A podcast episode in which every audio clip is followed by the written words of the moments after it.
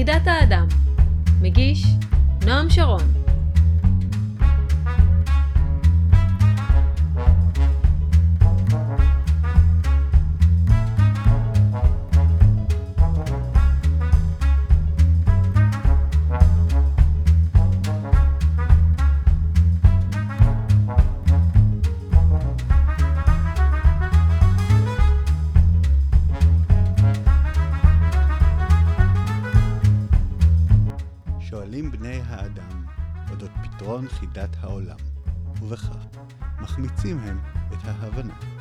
שהחיים עצמם, במקצבי מחזוריותם, הם הפתרון האמיתי של חידה זו.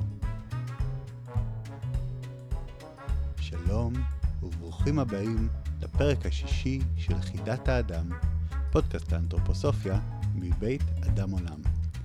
היום אנו נפתור חידה שוודאי העסיקה את המאזינים. איפה גלעד? הרי מי שהאזין לפרק הראשון של הפודקאסט שמע הבטחה שבפרק הבא יתארח גלעד גולדשמיט לכבוד פרסום ספרו החדש חינוך אנתרופוסופי. אך הפרק השני, שהתפרסם באיחור, היה בנושא אחר לגמרי. מה קרה?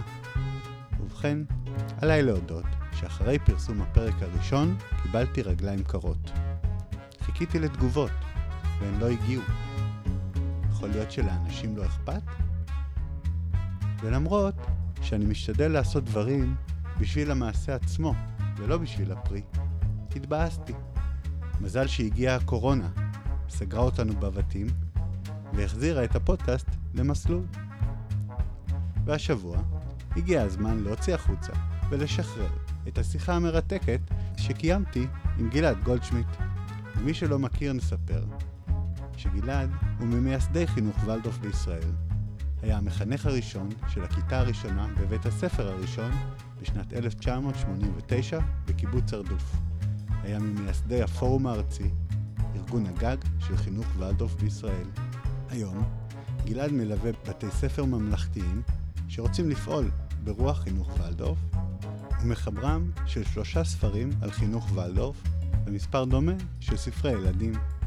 בשיחה מספר גלעד על המהפך הגדול שעבר בשנים האחרונות ביחסו לתפקיד חינוך ולדורף בישראל ועל שליחותו האישית שהשתנתה לאור מהפך זה.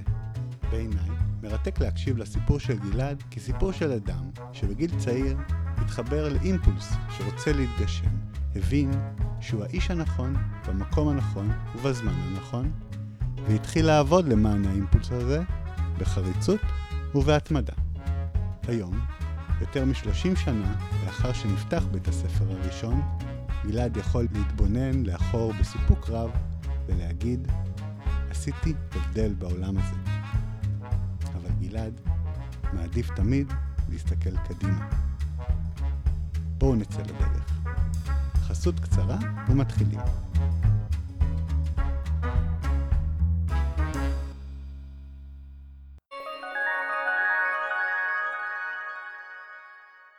הפרק מוגש בחסות המסלול לחינוך בגישת ולדורף במכללה האקדמית על שם דוד ילין, המאגד בתוכו תוכניות להוראה בבית ספר יסודי ובגיל הרך בגישת ולדורף.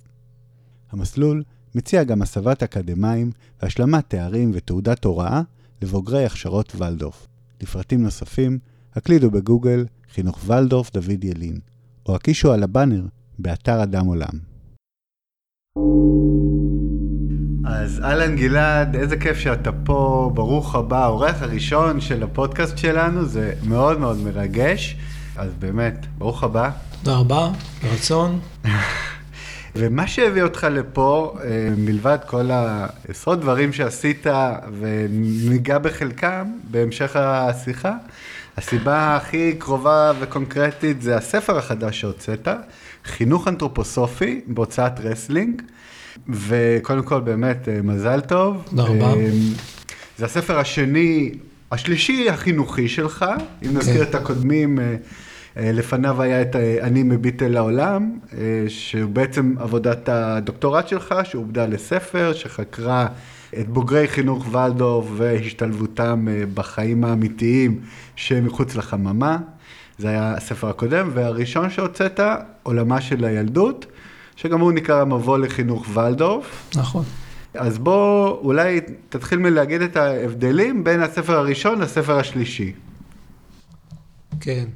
אה, עולמה של הילדות אה, הוא מין מבוא לחינוך ולדוף, שהרעיון שעמד מאחוריו היה להנגיש את חינוך ולדוף לכל אדם.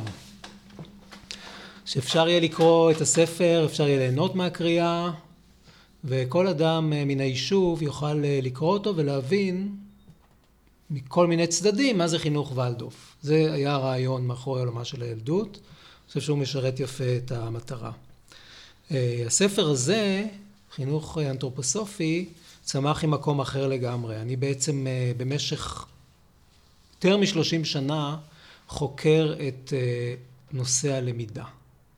איך לומדים, מהם התנאים ללמידה, כיצד עושים את זה הכי טוב, מי הלומדים, מי המלמד, היחסים בתוך הלמידה, וגם גם בהוראה שלי בבית הספר, ילדים, לימדתי בעצם ילדים בכל הגילאים, וגם הוראה של סטודנטים, שזה מה שאני עושה בשנים האחרונות. והספר הזה, חינוך אנתרופוסופי, הוא מעין סיכום של אה, כל השלושים ומשהו שנה האלה, אז הוא בעצם נוגע בשאלה של הלמידה.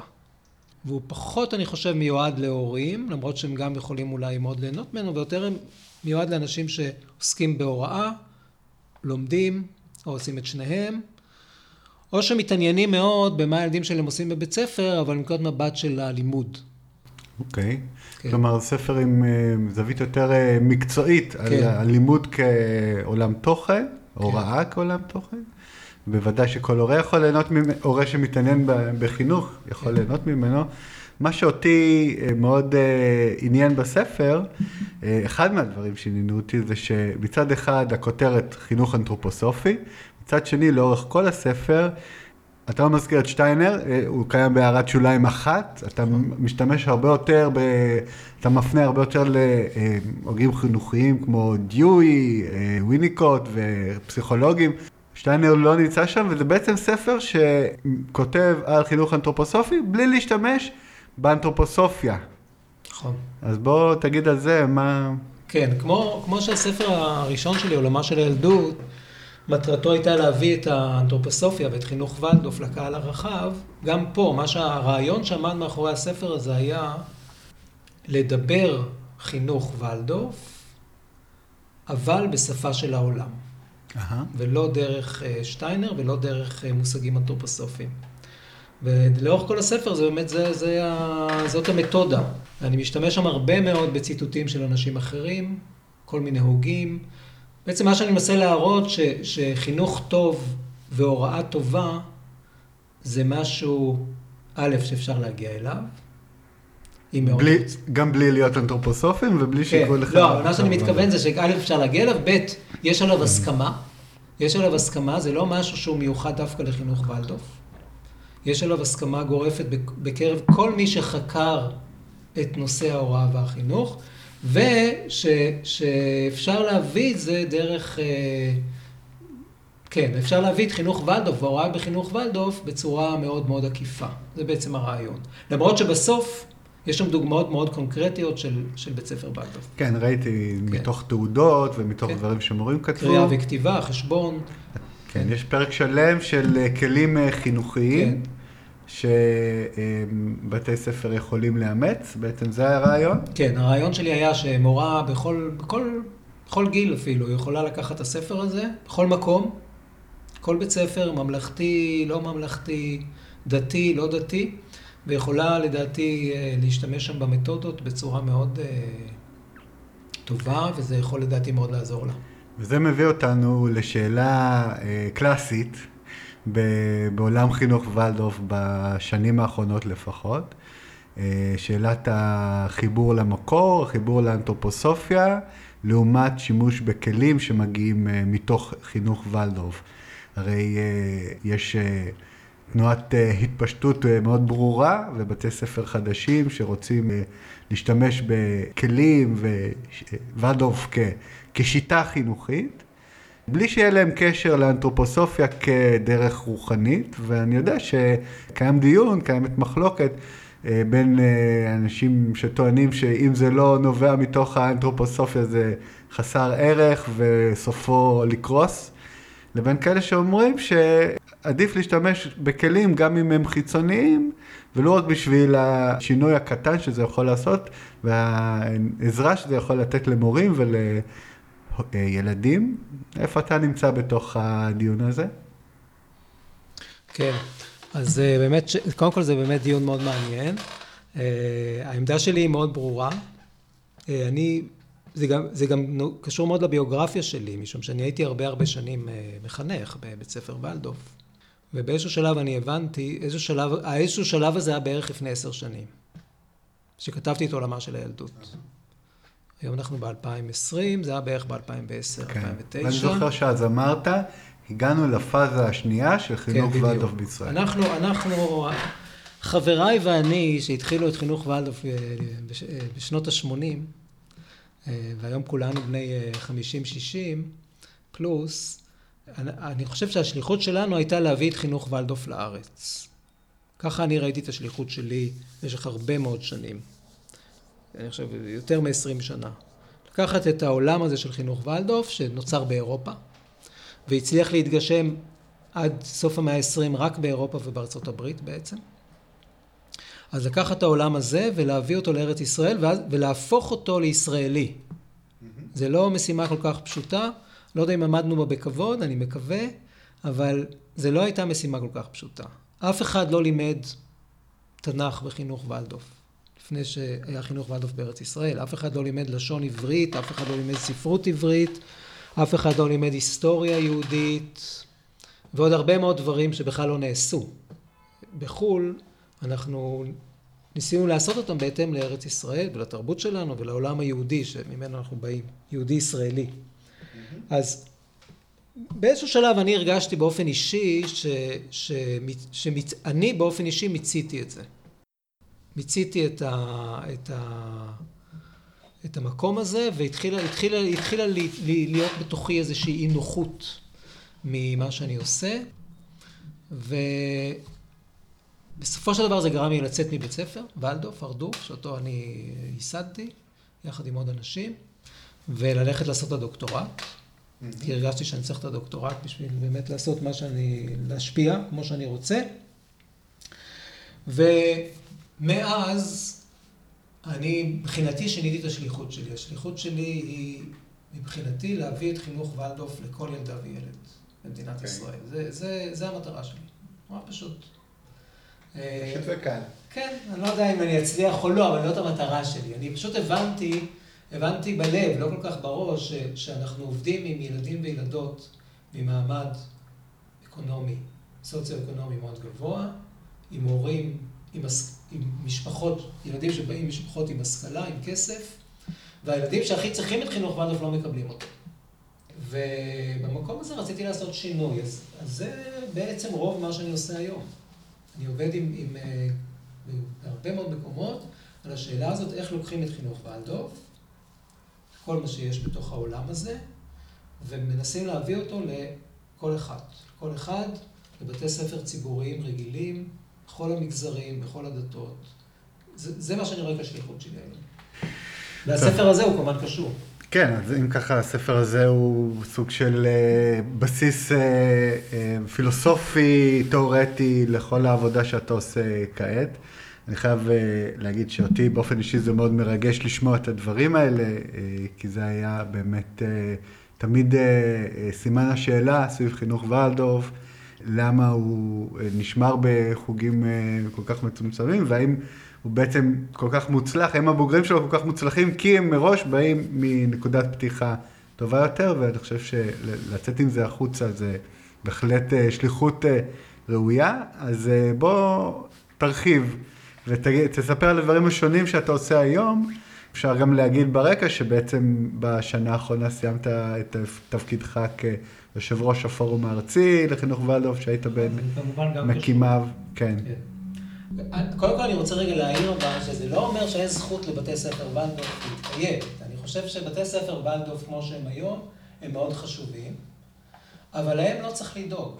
הם קמים. הם קמים כהורים מודעים, עם כסף ועם אה, חשיבה חופשית, אה, מחפשים פתרון טוב, חינוכי טוב לילדים שלהם, והם יוצרים בתי ספר ולדורף.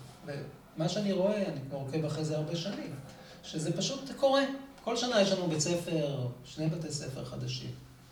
אז אני לא נגד בתי ספר ולדורף, ההפך, אני חושב שפשוט צריך ליצור במקביל לתנועת חינוך ולדורף, תנועה של חינוך ולדורף ציבורי.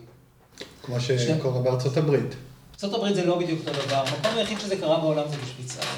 אוקיי. שוויצריה קמה ממש תנועה גדולה של מורים בתוך החינוך הציבורי, שהביאו אלמנטים של חינוך ולדורף לתוך החינוך הציבורי. באופן אה, מסודר? מסודר ומתודה, וכן, זה היום קצת פחות עובד, אבל בשנות ה... כשאני הייתי בשוויץ, בשנות ה-80, ה-90, זה היה מאוד חזק. הרבה מאוד בתי ספר רגילים, היה להם מתוד, היה להם שיעור ראשי למשל, היה להם תקופות. למדו בתקופות. אוקיי. היה להם אומנות, ו- ודברים שבוולדורף הם מובנים מאליהם. מה שאני אומר, זה שאני חושב שבתי ספר וולדורף הם מאוד חשובים. כי בתי ספר וולדורף הם, אה, אפשר לראות אותם כמין מעבדות, מחקר לחינוך איכותי. ככה אני רואה את זה. וצריכים מספר מסוים של בתי ספר, מגוונים, והם חשובים מאוד. תנועת חינוך ולדורף היא מאוד חשובה, אבל באמת, אני גם חושב שבית ספר ולדורף לא יכול להיות משמעותי ואיכותי בלי האנתרופוסופיה. זה משהו ששטיינר כבר אמר כמובן בהתחלה, ואני אה, חושב שהוא צודק. אני חושב שהאנתרופוסופיה היא מאוד חשובה. זאת אומרת, אני לא יכול לראות בית ספר ולדורף אה, שמוריו, או לפחות רוב מוריו, הם לא אנתרופוסופים. או עם איזשהו זיקה לאנתרופוסופיה. אבל זה, אם אתה יוצר תנועה כזאת, אתה יוצר תנועה מאוד קטנה. ואנחנו לא רוצים תנועה גדולה, אה, קטנה, אנחנו רוצים תנועה גדולה. אנחנו רוצים להשפיע בגדול. בשביל להשפיע בגדול אנחנו חייבים ליצור משהו אחר. אז הרעיון שלי הוא שאנחנו ניקח אלמנטים מתוך חינוך ולדורף, איכויות מתוך חינוך ולדורף, בצורה מתודית ומסודרת, ונציע אותם לבתי ספר. על מה אני מדבר? אומנות, כל יום אומנות, שכל ילדה יהיה לה כל יום אומנות. לא פעם בשבוע איזה שעתיים מסכנות, אלא כל יום. שיהיה יצירה ומלאכת יד בבית ספר כדבר מובן מאליו. ילדים ייצרו בידיים, לא רק יעבדו בראש, אלא ייצרו בידיים. שיהיה בבית ספר גן ירק, תהיה בבית ספר פינת חי. שהשאלה של הקשר בין המורים לילדים תהיה במרכז. היום מה שבמרכז זה, ככל שהשנים עוברות, מה שבמרכז זה הטכנולוגיה. הטכנולוגיה היא נהדרת, אבל היא אף פעם לא יכולה להחליף קשר בין אנשים. אז כל השאלה של קשר בין, בין מורים לילדים, בין ילדים לילדים, יהיה במרכז. ויש לנו את, ה, את, ה, את כל ה-facilities לעשות את זה, את כל היכולות לעשות את זה, מבחינת חינוך ולדורף. שתהיה עבודת מורים משותפת. שהמורה יהפוך מטכנאי ומסוכן ידע, שזאת הנטייה היום, לאדם יוצר. מורים צריכים להיות אנשים יוצרים, זה חשוב. זה מאוד מאוד חשוב. והם יכולים להיות אנשים יוצרים. כן? ש, שנתחיל ללמד דברים בתקופות. ולא שלושת רבעי שעה, שלושת רבעי שעה, אלא בתקופות ארוכות, תקופות לימוד. ועוד ועוד, יש המון המון איכויות של חינוך ולדורף, ש, שיכולות בעצם לעבור לכל בית ספר שרוצה בזה. אז זה החזון שלי, שיהיו בתי ספר ולדורף, ותהיה תנועת ולדורף, ובמקביל תהיה תנועה גדולה, ציבורית, שעובדת ביחד עם משרד החינוך ועם רשויות, ויוצרת בתי ספר בהשראת חינוך ולדורף. עוד אין לי את השם, אבל משהו כזה, בהשראת חינוך ולדורף. יש לך כבר ניסיון אה, כן. מעשי? כן, יש לנו, יש לנו היום ארבעה, חמישה בתי ספר שעובדים ככה.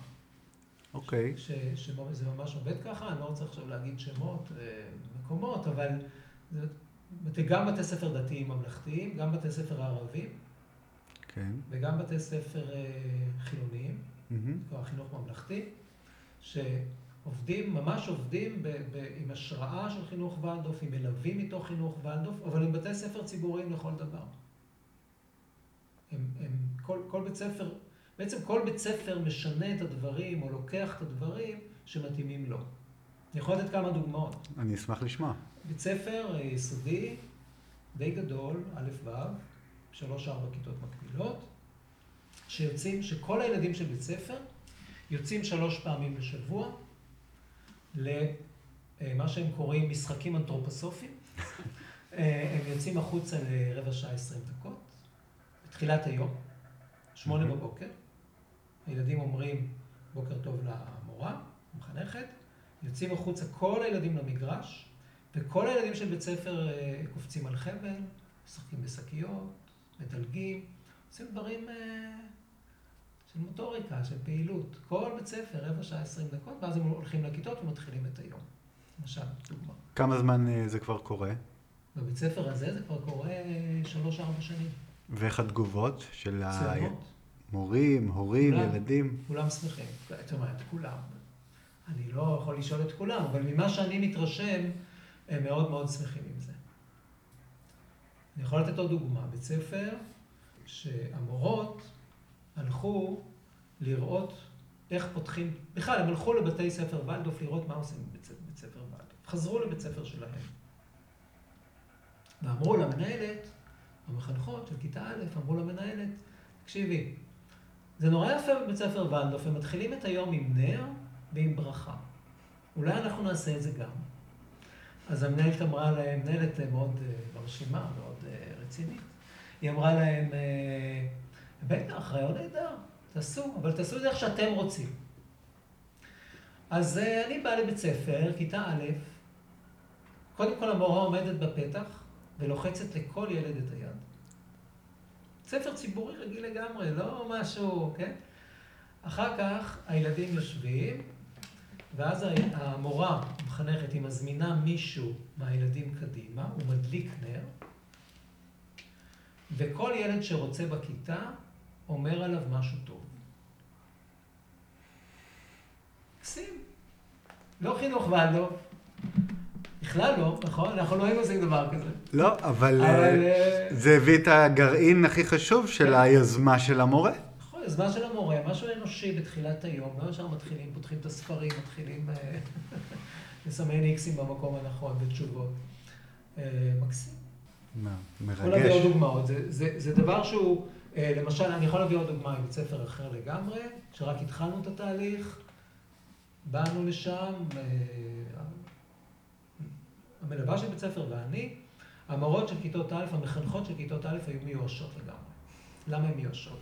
זה ברור. מהמבט של חינוך ולדוף זה ברור, למה הן מיואשות? כי חצי מהילדים לא מוכנים לכיתה א', זה ילדי גן. הם בני חמש, שש וקצת. אז הן עובדות עם ילדים, אומרות לי, אני, אנחנו לא יודעים מה לעשות, הילדים לא יכולים לשבת. אמרתי להם, "אה, נורא פשוט, תעשו משהו נורא נורא פשוט. תעשו ארגזי חול. בתוך הכיתה? לא, מאחורי הכיתה.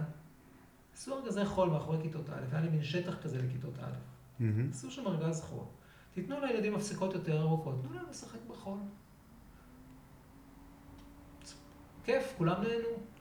ילדים נהנו, המורות נהנו, בית ספר נהנה, יש הרבה פחות בעיות משמעת. כן, דברים מאוד מאוד קטנים שאצלנו הם אה, מובנים מאליהם. אה, בתי ספר יכולים להרוויח מהם הרבה מאוד. אתה הזכרת מקודם את בתי הספר הערביים והדתיים כבתי ספר שמאמצים את הגישה הזאת. זה אה, התפתחות מאוד מעניינת, כי אלו אוכלוסיות שעד עד כה היו מודרות או הדירו את עצמם מהחינוך הזה, אז איך זה מתקבל שם? קודם כל, במגזר הממלכתי-דתי יש לנו, אה, יש ביקוש עצום לחינוך בעל. עצום. כל הזמן אני בקשר עם אה, מורות, מנהלות, רשתות. אה, זה אנשים עם חיפוש רוחני מאוד עמוק, ומרגישים שבחינוך ולדוף יש את האלמנט הרוחני. הוא אמנם אלמנט רוחני שונה, אבל הוא אלמנט רוחני. וזה מתק... הרבה מאוד דברים של, של, של בית ספר ולדוף מתקבלים מאוד יפה אה, בקרב הציבור הזה. ויש היום, אני מכיר שלושה בתי ספר דתיים ממלכתיים, שכל אחד מאמץ בצורה אחרת חינוך ולדוף. אחד הוא, הוא ממש, אני יכול להגיד, הוא ממש בית ספר ולדוף, למרות שהוא לא קורא לעצמו ככה. הם לא רוצים להיחשב כבית כן, ספר יש שם מכל מיני סיבות עניין, כן. רגישויות, אבל הוא ממש בית ספר ולדוף. המורים אגב לא עברו הכשרה.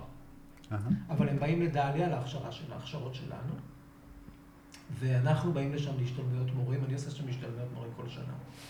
וזה ממש, ממש בית ספר ולדוף, הם מתנהלים כמו בית ספר ולדוף. עם תקופות, עם מחברות, עם אה, מוזיקה, עם שירה, עם ציור, ממש כמו בית ספר ולדוף. זה בית ספר אחד. בית ספר שני, זה בית ספר שהוא מאמץ מתודות של חינוך ולדוף. זה ממש מה שדיברתי עליו קודם. אז שם זה, זה מאוד יפה, כי, כי כל מחנכת ומחנך בעצם מאמצים את מה שהם רוצים. אז יש שם כיתות שהן ממש כמעט חינוך ולדוף לגמרי. יש כיתות שממש לא. כי המנהלת היא לא מכריחה אותם. עושה את זה מאוד חופשי. אבל בסך הכל באווירה של בית ספר לגמרי יש את, ה, את האלמנטים האלה של חינוך ולדוף. ובית ספר שלישי, שאני, שאני יכול לדבר עליו, יש כמה כאלה, זה, זה מה שנקרא מעיינות- רבי חייא. כן. שזה בכלל נורא נורא מעניין. זה, זה רשת, זה היום כמה וכמה גנים וכמה וכמה בתי ספר בכל הארץ. עם הכשרה משלהם. עם, הם התחילו השנה הכשרה, והם הם, הם ממש, יש שם דברים מסוימים שזה ממש חינוך ולדוף, אבל תורני. כן, אה, למי שלא מכיר, מעיינות רבי חייא למעשה זאת אה, תנועה חינוכית שנוסדה על ידי אישה בשם אריאלה, שהייתה, אה, חייתה בהרדוף, אנתרופוסופית תקופה מסוימת, חזרה בתשובה, ובעצם אה, לקחה את העקרונות של חינוך ולדוף, עשתה להם עיבוד והתמרה, קשרה אותם אה, אה, ליהדות וקראה לזה חינוך יהודי שורשי. ומעיינות רבי חייא, היא מצאה לא מעט הקבלות ומקורות. וזה, וזה די מדהים, אתה בא, אני ביקרתי כבר בשני בתי ספר כאלה, ואתה בא לבית ספר כזה, אתה, זה בנים ובנות לחוד, אה, כל יום מתחיל בתפילה. כל שיעור, מה שאצלנו נקרא שיעור השיעי, השיעור בבוקר, מ-8 עד 10, הוא תמיד שיעור תורה. אבל מתנהל ממש ברוח ולדוף, עם שירה, עם מחברות גדולות, עם ציור, זה די מדהים. וואו. והתקופה שלנו, התקופות לימוד, כן. ליבה, הם באים אחר כך. אני עשר ומשהו, כל יום. זאת אומרת, זה, זה מאוד מאוד, זה מאוד מאוד מעניין. זה גם אנשים מאוד מאוד פתוחים, מאוד מאמינים. יפה. זה, וואו, מרתק ועושה חשק לשמוע ולבקר, לראות את המקומות האלה. בפרק זמן שנשאר לנו, אני רוצה רגע לעשות אה, עצירה מההווה, ודווקא ללכת אחורה, אני חושב שמה שהכי מעניין באנשים שמגיעים זה, זה האנשים עצמם, הביוגרפיה, הסיפור האישי. הייתי רוצה לנצל את ההזדמנות הזאת, גלעד, אה, לשמוע ממך עליך קצת, מה הביא אותך עד הלום, אה, ילדות, מפגש עם האנתרופוסופיה, קצת תספר לנו, הסיפורים שלך זה גם הסיפורים של ימי, ראשית ימי חינוך ולדוף בישראל. אז אה, בוא תבחר ולבחירתך מה, גם לאן להיכנס. אפשר, אם זה יכול לעניין. אמ, אני נולדתי בקיבוץ רביבים, אשר בנגב. חינוך קיבוצי, חינוך קיבוצי חינוך של משותף. עם. חינוך לינה משותפת. לינה משותפת. וואו. שמגיל מסוים הייתה לי מאוד מאוד קשה. ובעצם היה לי ברור מגיל, מגיל ההתבגרות כבר היה לי ברור שאני לקיבוץ לא חוזר.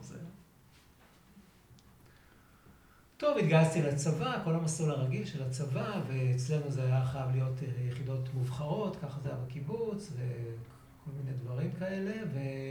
אבל באיזשהו שלב בצבא, היה לי תקופה שהיה לי הרבה זמן, והתחלתי לקרוא, גם, גם בהשפעה של כמה חברים טובים, התחלתי לקרוא ספרות רוחנית למיניה. לא היה אז הרבה בארץ, זה, זה תחילת שנות ה-80. היה קצת יוגה, קצת, היה אימן, שזוכר, היה, לא משנה, היו הרבה דברים מעניינים, אה, לא כמו היום.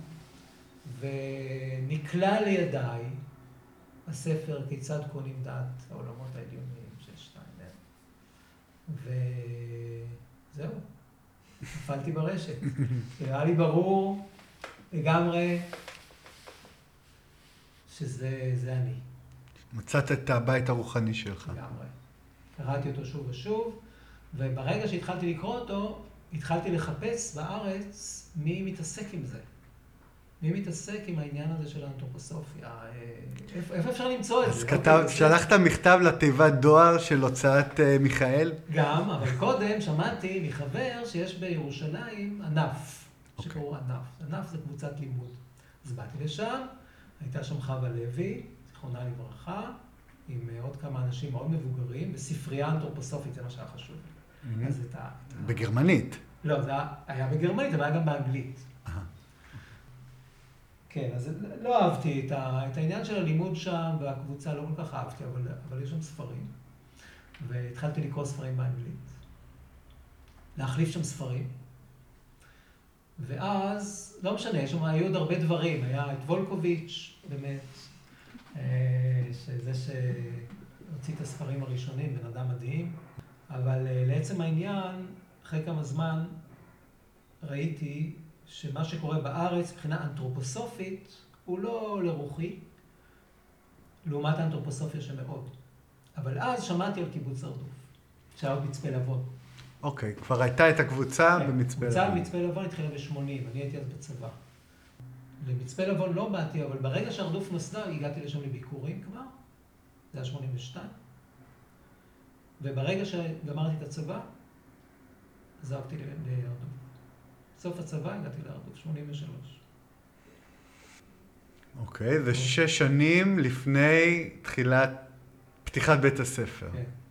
הרדוף הייתה מאוד מאוד קטנה ואינטימית, איזה 20 אנשים, ושם אה, פגשתי את אשתי, ו... היא כבר הייתה שם. היא כבר הייתה שם, ויום אחד באה טליה, טליה אז מהמם. מאנגליה, היא למדה אוריתמיה באנגליה, והיא באה לעשות אוריתמיה בהרדוף. גמרנו את האוריתמיה הזאת, ומור אשתי אמרה לי, אנחנו נוסעים, אני נוסעת ללמוד אוריתמיה. ואז החלטנו שאם, אוקיי, נוסעים, נוסעים, לא היה בארץ, לא היה כלום בארץ. אז אה, נסענו לשוויץ, דורנך, זה מרכז התנועה האנתרופוסופית. אה, מור למדה אוריתמיה, ואני למדתי שנת יסוד. גלצר? עם גלצר, שהייתה לי מאוד חשובה. ובשנת יסוד בעצם גיליתי את החינוך האנתרופוסופי, גיליתי את חינוך בלדור. כלומר, לא עד. אותו רגע לא הכרת, לא הייתה לך איזושהי נטיית לב חינוכית? תראה, אני עסקתי בחינוך כל חיי, זה מה שעשיתי מגיל מאוד צעיר. אבל לא חשבתי שזה מה שאני הולך לעשות. אבל ברגע שנכנסתי לבית ספר בלדוף, זה היה לי ברור לגמרי ש, שזה דרכי. אז הלכתי לסמינר מורים שם, עשיתי סמינר מורים. חזרתי לארץ. כבר חזרתי לארץ עוד לפני מור, כי היה לנו ברור שאנחנו הולכים להקים בית ספר בהרדוף. מי זה לנו? לנו היו עוד אה, שניים שלושה אנשים שכבר הייתי בקשר איתם. מיכל בן שלום שלמדה באנגליה, יגאל דומיניץ, שהוא היום הוא. לא, הוא לא פה. הוא למד בגרמניה, רון ליברמן למד בגרמניה, כבר היינו בקשר. כמה אנשים מהרדוף שלמדו בחו"ל, ואני חזרתי ראשון. הבנתי שאני חייב שתהיה לי, לי תואר ותעודת הוראה, אז הלכתי לאורנים להשלים תואר, מהמם. תואר ראשון, וזהו, והתחלנו לעבוד על הבית ספר. וזה היה עבודה קשה. אף אחד לא ידע מה זה חינוך ולדוף בארץ. אף אחד. הלכנו לעשרות יישובים ודיברנו על חינוך ולדוף. לא משנה, הייתה שם עבודת הכנה מאוד מאוד אה, אינטנסיבית, ובסופו של דבר בסתיו 89 התחלנו עם כיתה א' של 13 ילדים. וגן של 17 ילדים. הגן נפתח גם באותה שנה? כן. היה כבר גן בהרדוף, הוא לא היה מאוד קטן, לא של שלושה ילדים. אהה. אז אה, עכשיו זה הגן שהוא, שהוא כבר קולט מ- מכל האזור, בכיתה א' עם 13 ילדים, וזהו, ככה זה התחיל. אוקיי. הייתי מחנך של הכיתה הזאת מא' עד ח'. לאט לאט זה גדל. והפך, ומיד תיכון. כן, וכשסיימנו את כיתה ח', בכלל לא חשבנו על תיכון. היה לנו ברור שאנחנו, שאני, שאנחנו ממשיכים, ולי היה ברור שאני בכלל מחנך ביסודי. זה, זה התחום שלי, עד היום זה ברור לי. מהמם. אני מאוד קשור לילדים בגיל הצעיר. אבל הכיתה, הילדים של הכיתה, לא השאירו לנו ברירה. הם היו חייבים, הכריחו פשוט לא להמשיך. הם עשו לנו, זה שתי אספות אה, הורים, הורים תלמידים כאלה, ואמרו לנו, אנחנו ממשיכים. ואז אני אמרתי לקובי טוך, ידידי, שייסד את התיכון יחד איתי, אמרתי לו, קובי, אני בא איתך שנה, שנתיים. רק לעזור לך כזה. כי בעצם אני מורה ביסודי. אבל שנה, שנתיים הפכו ל-15. כלומר, 15 שנים היית בתיכון. כן, הייתי מחנך ומנהל של התיכון, כן. בערך 15 שנה. עד שהגיעה הנקודה שכבר דיברתי עליה קודם, שבעצם הרגשתי, למרות שמאוד מאוד נהניתי ואהבתי את זה, הרגשתי שצריך לצאת החוצה. כלומר, זה קרה עוד כשהיית מורה בתיכון. זה קרה שהייתי מחנך בתיכון. מחנך. בעצם בכל, ה... בכל השנים האחרונות שלי בתיכון חינכתי כיתה מט' עד י"ב, וכבר היה לי ברור איפשהו שזה, שזה הסוף. שאני לא ממשיך. ובמקביל, הייתה את כל, כל הנושא של ההקמה של הפורום הארצי. נכון. במקביל, אה, התארגנו כבר, כבר ב-91 או 2, לא, 93, שכבר היה בית ספר אדם והיה בית ספר שקד. התארגנו והקמנו את הפורום הארצי, את הארגון של חינוך וולדורף בישראל, שהייתי הרבה הרבה שנים היושב ראש שלו, כן? נכון, ולאט לאט זה גדל. הכשרת מורים, אתה נמצא במקום שאתה יכול להסתכל אחורה בסיפוק. כן, אני לא, אני, אני, אני לא כל כך אוהב להסתכל אחורה. אה, אני חייב להגיד. אני, אני, זה, זה, רוב הדברים קרו לא בגלל שאני גאון גדול או משהו, אלא פשוט הם קרו בגלל, אם, אם נסתכל על זה כמו מבט אנתרופוסופית, שהגורל לקח אותי ושם אותי על הדרך. זה לא היה איזו החלטה מודעת vision עצום, ו... כן, פשוט כאילו מישהו לקח אותי, שם אותי, אמר לי, יאללה, התחיל לעבוד, עבדתי. היית האיש הנכון במקום הנכון, כן. בזמן הנכון, כן. ואיתרע מזלך אה, להיות שם, ו... טוב, ו- והיום אתה אה, נמצא במקום כבר שאתה חופשי לעשות אה, נכון. את מה שאתה רוצה. נכון, היום, היום, כמו שאמרנו קודם, היום בעצם אני רואה את השליחות הגדולה שלי בשאלה של להוציא חינוך וולדורף החוצה, זה דבר אחד. וגם,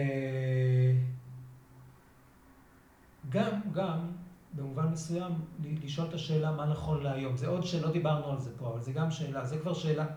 עד עכשיו דיברנו על איך, איך להוציא את חינוך וולדורף החוצה. כן. אם אנחנו מסתכלים עכשיו אחורה על חינוך וולדורף, מהמם. או פנימה, אז uh, השאלה שאני עובד איתה, לא רק עם עצמי, גם עם הרבה קבוצות מורים, זה מה נכון היום. מה נכון היום? יש פה שאלה מאוד גדולה. תפרט. תראה, אני חושב ש-70-80 אחוז מחינוך ולדוף, ממה שעושים, לא נדבר על המחשבות מאחורה, 70-80 אחוז של מה שעושים ממש עם הילדים בכיתה ובגן, זה מסורת. אוקיי. חיקוי של מה שהיה פעם. כן, מסורת, מסורת זה לא דבר רע, אבל זה מסורת. וזה מסורת של מאה שנה. די, די ארוכה. ויש הרבה מאוד דברים שאני חושב שהיה כדאי לעשות אחרת. שהם אוקיי. לא, כבר לא מתאימים לרוח הזמן, ו- וצריך לחשוב עליהם טוב איך עושים אותם, ו- וצריך להמציא את זה מחדש. אוקיי, אז אתה חייב לתת דוגמה. אחת.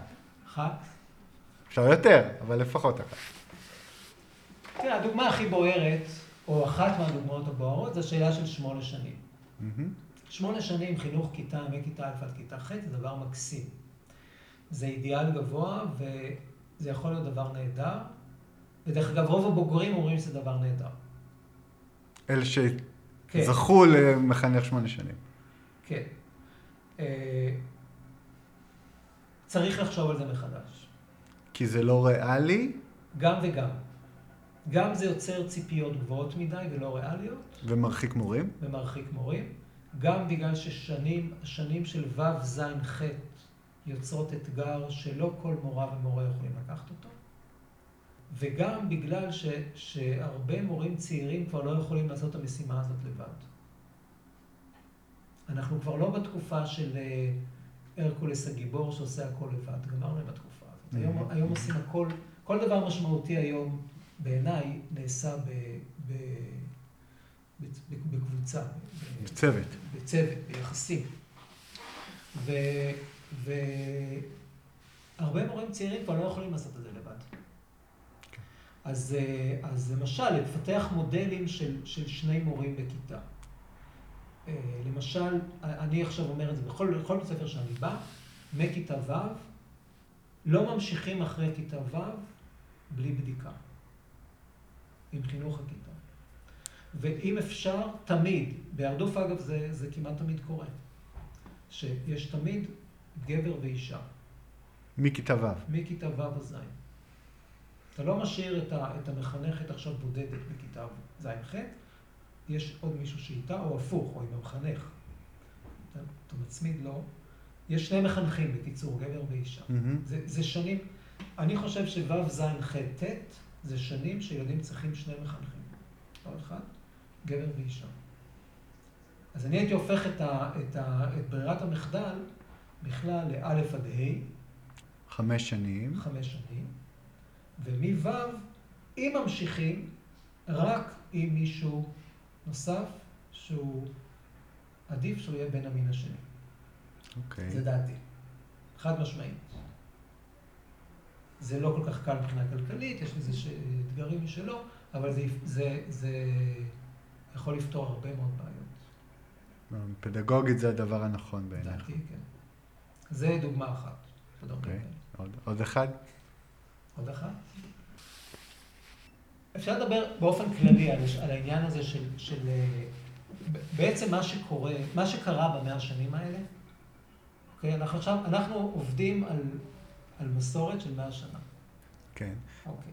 אבל מה? אני במאמר מוסגר אגיד שיש, שהחינוך האנתרופוסופי הוא גם ל- לאלף הבא. נכון, נכון, נכון, לכן צריך, זה, זה בדיוק מה שאני, לכן צריך לשנות אותו, okay. בהתאם לזמן. אז מה שקרה במאה השנה האלה, זה שקודם כל התפתחה הטכנולוגיה. העולם נעשה טכנולוגי.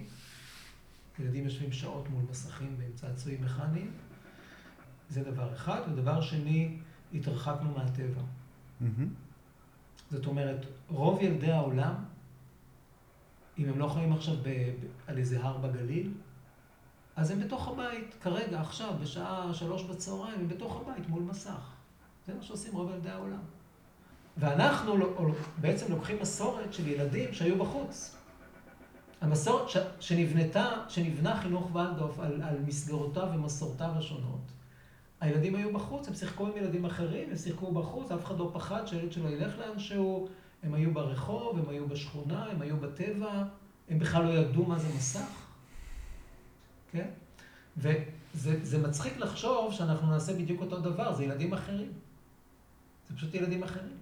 ולכן, בעיניי זה פשוט מובן מאליו, חד משמעית, בכלל לא שאלה של לחשיבה, שהילדים צריכים היום הרבה יותר טבע, הרבה יותר פעילות, הרבה יותר עשייה, הרבה יותר יצירה. כי זה, כי זה מה שבעצם עובד כאילו בשביל לאזן את, ה, את התמונה. התמונה היום היא לא מאוזנת. מהמם, מהמם. טכנולוגיה מנצחת. כן. בשביל לתת לטכנולוגיה איזון, צריכים לעשות מה שהטכנולוגיה לא עושה. טכנולוגיה היא משתקת. זה, זה תפקידה העיקרי, לשתק. לשתק ילדים, לשתק מבוגרים. ומה שילדים צריכים זה, זה איך, את מעיין החיים הזה של היצירה והתנועה והזרימה והטבע. לכן, בתי ספר צריכים הרבה הרבה להשקיע בכיוון הזה. אבל זה מה שחינוך ורדוף ממילא רוצה לתת, אז אתה אומר צריך לתת עוד יותר מזה. עוד יותר. ולכן, דרך אגב, מאוד חשוב לי הקשר עם, עם מה שנקרא גני, גני יער ו, ובתי ספר מהמם, יער. מהמם. שעכשיו נפתח בית ספר יער, כן, נוסף. כן. אה, איפה הוא נפתח? אמ, לא, אני לא לא שמעתי. בינתיים על אחד במרום הגליל, וגם הוא בקושי. אז, אה, אבל גני יער יש, כן. והכשרת ולדורף שאנחנו עושים באורנים היא משותפת, לא יודע אם אתם יודעים, אה, לא? כי הכשרה משותפת לוולדורף ולשומרי הגן. וזה בכוונה ככה, יש לזה כוונה, וזה, וזה, וזה דבר מאוד מאוד במקום. אני לא אומר שילדים צריכים להיות כל היום בחוץ, אבל הם צריכים להיות הרבה בחוץ. זה חשוב. הטבע, כמה שעוד יש טבע, הוא נותן את הכוחות האלה שהטכנולוגיה לוקחת. אז זה בעיניי למשל דבר מובן מאליו. איך עושים את זה זאת שאלה אחרת, אבל זה בעיניי דבר מובן מאליו. ילדים צריכים יותר תנועה, יותר יצירה, יותר חיבור לטבע, יותר קשר אנושי. ככל שהטכנולוגיה עולה, צריכים יותר דברים האלה. אז זו שאלה אולי אחרונה, ונחתור אה, לסיום. לפני אה, ארבע שנים או שלוש שנים נחתם אה, הסכם עם משרד החינוך, תהליך שעבדת ביחד עם עוד הרבה אנשים לא מעט זמן, מה שהתחיל בימיו של שי פירון, והסתיים בימיו של נפתלי בנט, והיום חינוך וולף הוא זרם ממלכתי לכל דבר. אה, כשזה קרה, היו, לצד השמחה הגדולה, היו גם הרבה שחששו שזה ימנע מבתי ספר חדשים לקום. אמנם פרספקטיבת הזמן שלנו היא לא מאוד ארוכה, אבל כבר אפשר אה, להסתכל על זה בטווח של שלוש-ארבע שנים. מה אתה חושב, אה, מה נשתנה והאם לטובה? לצערי הרב שום דבר לא השתנה. באמת, אני, אני ציפיתי מההסכם הזה להרבה יותר. הרעיון מאחורי ההסכם הזה היה, מבחינתי, שאנחנו עובדים יחד עם משרד החינוך ומקימים עכשיו בתי ספר ולדוף בצורה משותפת. לא פיראטים, מוכר שאינו רשמי, אלא מקימים בתי ספר ולדוף בצורה משותפת, יש לנו מנגנון בוררות, יש לנו כתובת, כל הדברים האלה לא קרו. מה שקרה הוא מעט מאוד, והוא יותר בתחום של הרגולציה. זאת אומרת, הצליחו לשים עלינו יותר רגולציות. לא נורא, זה לא שבר אותנו, אבל זה בהחלט מעייף, את המנהלים בעיקר. אז יש, בעקבות ההסכם יש יותר רגולציה. חוץ מזה שום דבר לא השתנה. אין שום הבדל, זה אותו דבר בדיוק, המצב הוא בדיוק אותו דבר. עמותות ההורים נשארו? סליחה? עמותות ההורים עמותות ההורים נשארו, הן פשוט עובדות, עובדות בצורה חוקית, זה, זה היום תרומות, זה לא, אתה לא, אתה לא יכול לחייב אנשים לשלם כסף, בתי ספר לא שינו שום דבר מהעבודה שלהם, רק, כמו שאמרתי, כל מיני דברים של רגולציות קצת, קצת יותר מכבידות. כל הדברים החיוביים שהיו אמורים להיות בעקבות ההסכם הזה, לדעתי לא קרו בכלל. גם לא הדברים האסונות שחשבו שיקרו. כי זה אותו דבר בדיוק, גם היום קבוצת הורים שרוצה להקים בית ספר, mm-hmm. אם היא מספיק חזקה, היא יכולה להקים בית ספר. כן. בדיוק כמו לפני חמש שנים. אין שום הבדל. ההבדל היחיד הוא ש... בעצם אין שום הבדל, היה אמור להיות הבדל. כי, כי, כי ברוח ההסכם הוא שאם קבוצת הורים רוצה להקים בית ספר, אז יש לה כתובת, יש לה למי לפנות, יכולים לעבוד במשותף עם משרד החינוך, כל זה לא קרה. זאת אומרת, מה שאני רוצה להגיד, שגם הדברים המאוד טובים שהיו יכולים לקרות לא קרו, וגם הדברים המאוד רעים שהיו יכולים לקרות לא קרו. בעצם העגלה המשיכה לנסוע בדיוק באותו דרך. זה, זה התפיסה שלי, אני לא יודע, אולי מישהו יכול לחשוב על זה אחרת, uh-huh. אבל זאת התפיסה שלי. זה שיעור מעניין על החיים. נכון. טוב, גלעד, אני... היה מרתק. באמת אה, מרשים לראות מה, גם מה קרה אה, בחינוך ולדורף בשלושים שנים האחרונות, והקשר שלך לזה, שככה ממש לאורך אה, כל הדרך, ורק מאחל לך שתמשיך ותהנה מהעשייה הברוכה הזאת. תודה רבה. ומי שרוצה באמת ספרו של גלעד, ניתן יהיה להשיג אותו, איפה הוא נמצא, איפה אפשר למצוא אותו? בכל חנויות הספרים. בכל חנויות הספרים, וגם באתר אדם עולם אפשר למצוא אותו, ובאמת אה, ממליץ לכם לקרוא, מי ש... גם מתוך החינוך האנתרופוסופי וגם אולי בעיקר מי שלא מתוכו. המון בהצלחה גם עם זה. תודה רבה. ולהתראות אה, בפרק הבא.